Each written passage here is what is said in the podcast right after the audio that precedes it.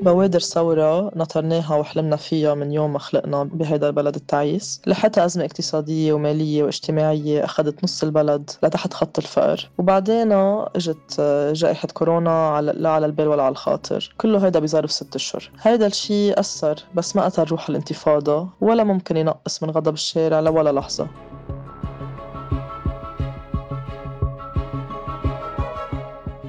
جائحة كورونا غيرت مسارات وقرارات وخطط على مستويات مختلفة. في العراق والجزائر ولبنان تعثر مسار انتفاضات شعبية كانت معبية الشوارع والميادين.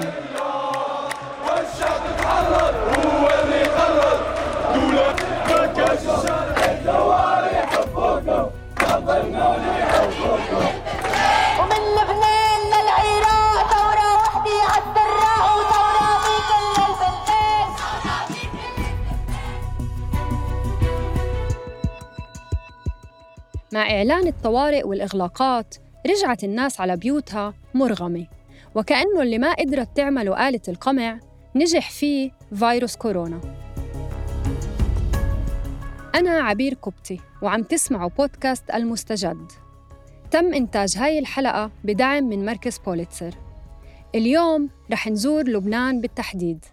في 15 مارس آذار ومع تسجيل 100 إصابة بكوفيد-19 أعلنت السلطات اللبنانية حالة التعبئة العامة اللي شملت إقفال المؤسسات العامة والتعليمية وإغلاق الحدود ومنع التجمعات. الحالة لابد شملت جميع مظاهر الاحتجاج في الشارع المستمرة من 17 أكتوبر تشرين الأول 2019 لكن في نهايات أبريل نيسان رجعت الاحتجاجات وتخلل بعضها مواجهات عنيفة في بعض المدن اللبنانية. في طرابلس توفى الشاب العشريني فواز السمان إثر إصابته بالرصاص خلال مواجهات بين المحتجين وقوات الجيش.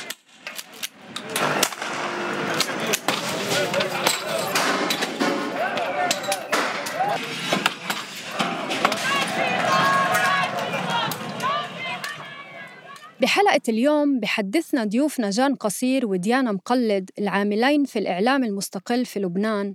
عن تأثير الجائحة على الاحتجاجات الأخيرة. بس قبل خلينا نسمع لآراء جمعناها من نشطاء شاركوا بالاحتجاجات من بدايتها. سألناهم كيف اختلفت الاحتجاجات من وجهة نظرهم؟ كيف اختلفت الاحتجاجات؟ أكيد خفت يعني لأنه العالم خايفة إنه تنصاب بالفيروس. بس الحدة تبع الاحتجاجات آه، قويت أكتر. ما صار احتجاجات بهالعنف إلا بعد ما صارت هيدي الأزمة. الاحتجاجات لم تختلف. الاحتجاجات خف وتيرها نوعا ما بسبب أزمة كورونا اللي خلت الناس تقعد ببيوتها. أثرت خصوصا على شباب 17 تشرين اللي كان جزء كبير منهم كان يتغاضى عن أعماله لحتى يشارك بالثورة. طبعا صار في اختلاف كتير بنوعية الاحتجاجات وشكلها وكمان ببطش السلطة اللي بيتصدى لها لأنه ما كان في الحماية الشعبية وأعداد الناس اللي عادة بتساعد كتير بإنه تخفف هيدا القمع أو الأذى اللي السلطة بتمارسه عبر قوى الأمن والجيش. بحسب النشطاء كانت الفترة الماضية فرصة لتعميق الرؤية. الأمور توضحت يعني. أكثر بين إنه بقلب الثورة مين الليبراليين اللي فعلا ما بيحسوا بغيرهم اللي بيقول لك شو هودي وشو عم بينزلوا شو هالبلمخ اللي عم بينزلوا. لا تبلورت القصص أكثر يعني صارت واضحة الخبرية أكثر اذا أنت قادر تبقى بالبيت العالم ما أنا قادرة تبقى ببيوتها يعني.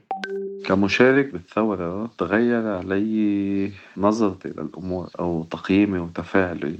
كتير من الناس اللي بنعرفهم وكتير من التجارب موجودة على الأرض قيمت عملها وكانت أعمق. يعني مش أحلى أيام باختصار بس أكيد الكورونا بتساعد على الوضوح وبتخلي الواحد يغلي من جوا مية مرة أكتر ما كان من قبل وهذا الشي مؤشر خير.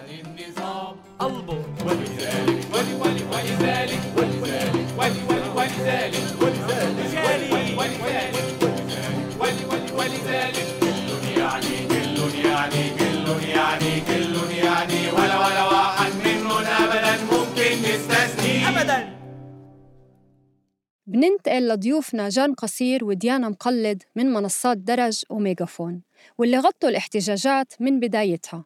ومنحاول نفهم كيف أثرت الجائحة على مسار الاحتجاجات؟ أول ما صارت أزمة كورونا كما ذكرت كانت الأزمة الاقتصادية والفساد والاحتجاج بذروته. جائحة كورونا كانت هدية للسلطات اللبنانية لحتى تشرع بتمرير أمور ما كان بسهولة ممكن تمرق لو كورونا مش موجود. ديانا مقلد هي إحدى مؤسسي موقع درج اللي بيقدم محتوى صحافي عربي مستقل. هلا هذا الشيء كيف بيأثر على مستقبل الانتفاضة؟ آه هذا سؤال كتير كبير وللحقيقة ما بعتقد حدا عنده جواب. الناشط جان قصير جزء من فريق منصة ميجافون الإلكترونية المستقلة. المنصة بتقدم محتوى بصري ومكتوب وواكبت الاحتجاجات الأخيرة وقدمت مواد تحليلية ومعمقة للقضايا الداخلية اللبنانية. كانت عم تخف إلى حد ما وتيرة الاحتجاجات. إذا بنقارنها بأول أيامها بتشرين الأول والثاني 2019 وفي كتير أسباب سياسية لهذا الموضوع منها طبعا التعب لأنه عم نحكي عن حراكه وانتفاضة وإن كانوا العالم يوميا عم ينزلوا على الشارع. بس كمان أسباب بنيويه أخرى بتتعلق بطبيعة المعارضة يعني عدم وجود مجموعات سياسية ولا حتى نائبية متينة. مع أزمة كورونا زاد التدهور أكثر وأكثر. يعني اللبنانيين اليوم عم بيعانوا من الأزمة الاقتصادية ومن الضغط السياسي وهيك محاولة آه، قمع أي صوت احتجاجي تحت ذريعة الوباء. كورونا والإجراءات اللي رافقتها من قبل الدولة اللي هي في جانب منها محق ولكن أيضا استغل كورونا يعني ما كان آه، تفصيل انه مع تولي الحكومة الجديده السلطه وباول ايامها آه، تنزل قوى الامن على ساحه ساحه الشهداء بوسط بيروت حيث كانت مركز التظاهرات وحيث خيم الاحتجاج واحراق هاي الخيم وهي فارغه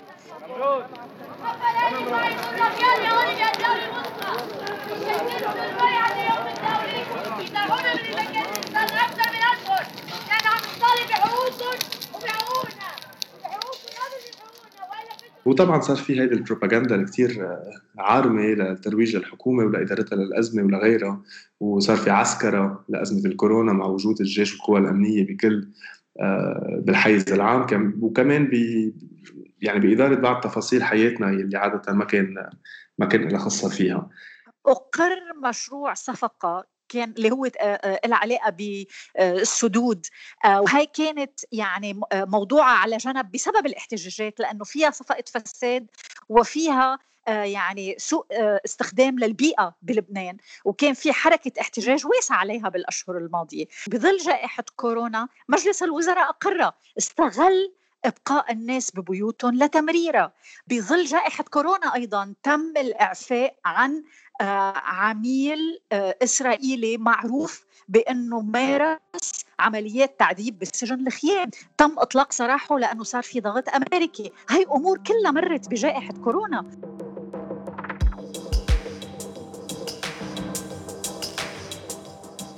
بالحديث عن السدود بتقصد ديانا السدود العشوائية مثل ما بسميها ناشطين بيئيين في لبنان.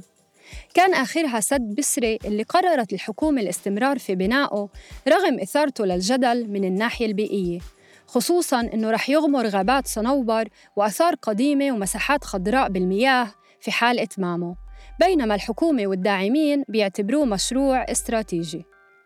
أما بحديثها عن إطلاق سراح العميل الإسرائيلي فبتقصد العسكري السابق في جيش أنطوان لحد عامر الفخوري واللي تورط في تعذيب اللبنانيين تحت مظلة الاحتلال الإسرائيلي لجنوب لبنان حتى عام 2000 قبل فراره إلى فلسطين المحتلة مع انسحاب جيش الاحتلال ومن ثم عودته للبنان بجوازه الأمريكي. نرجع لكورونا.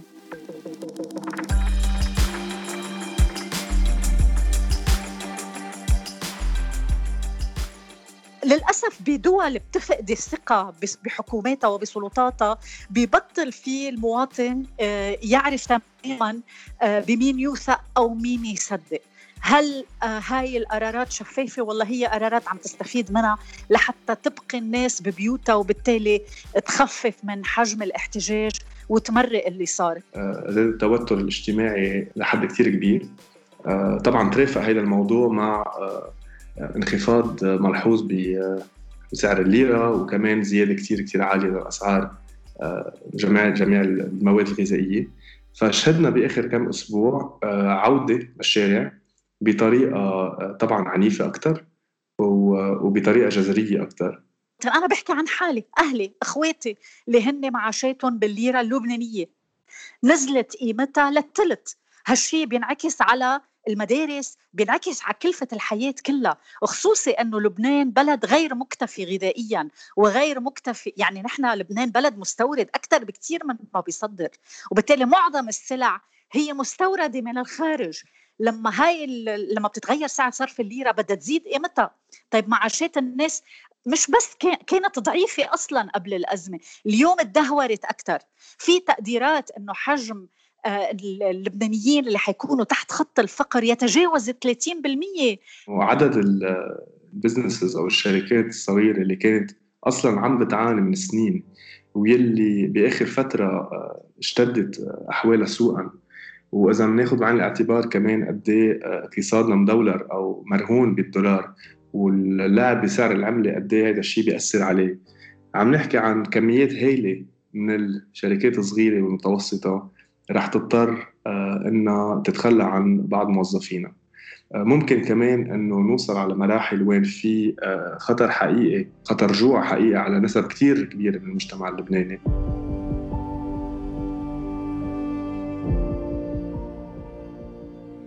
العملة اللبنانية في هبوط مستمر أمام الدولار في السوق السوداء. أسعار المواد الاستهلاكية في ارتفاع والقدرة الشرائية للمواطن اللبناني قلصت لحوالي النصف حسب المؤشرات. كل هاي المستجدات الاقتصادية بتواجه اللبنانيين مترافقة مع أزمة كورونا. فشو ممكن يصير في المرحلة التالية؟ ما عم نشوف ردة فعل على مستوى الكارثة اللي ناطرتنا من الحكومة. آه، عم نشوف إجراءات جدا خجولة لتخلي المصارف آه، وطبعا يعني الناس اللي بيشكلوا الطبقة الرأسمالية الحاكمة بالبلد إنه يدفعوا الثمن أو يساهموا بدفع ثمن هذا الانهيار. الناس ما أخلت الشوارع بالأيام الماضية. يعني كل يوم بالليل عم بيكون في آه، مجموعة احتجاجات بمناطق متفرقة ما بين طرابلس ما بين بيروت ما بين صيدا آه، بتستهدف أو بيوت سياسيين أو مصارف أو آه، أي هيك مرافق ممكن تعكس عن حركة الاحتجاج. طبعا أنا أتوقع أن لا تتوقف. مش بالضرورة تكون تجمعات هائلة مستمرة مثل ما شفنا بأول انتفاضة 17 تشرين ولكن رح يكون في تحركات موضعية متنقلة بحسب المتغيرات اليومية. وبالمقابل آه، قبل هيدا الشيء رد كتير قاسي وعنيف من قبل الجيش مثل ما شفنا بطرابلس وين آه، استشهد أحد المتظاهرين برصاص الجيش أو حتى بصيدا وين بينت بعض التقارير للجنة المحامين للدفاع عن المتظاهرين أنه تم استخدام الكهرباء خلال التحقيق مع المتظاهرين. يلي أكيد أنه الشارع حيضل وسيلة بس أنا اعتقادي الشخصي إنه إذا آه، شارع آه، ما واكبوا آه، عمل تنظيمي على مستوى المرحلة اللي عم نعيشها من قبل الأطراف المعارضة للأسف ما حنقدر فعلا ان ان نجير هذا الغضب الشعبي نحو مشروع سياسي قادر يقلب مشاريع السلطة الحالية.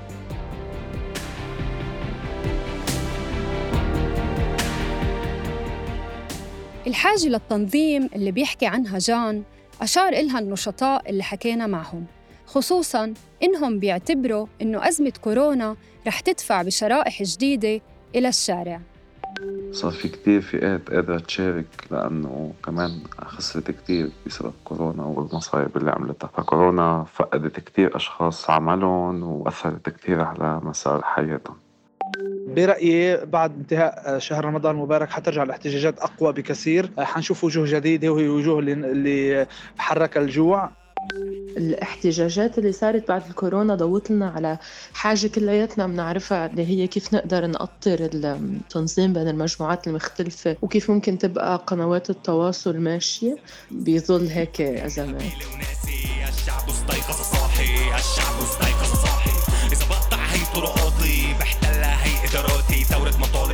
محاور ترعيش هي شعاراتي.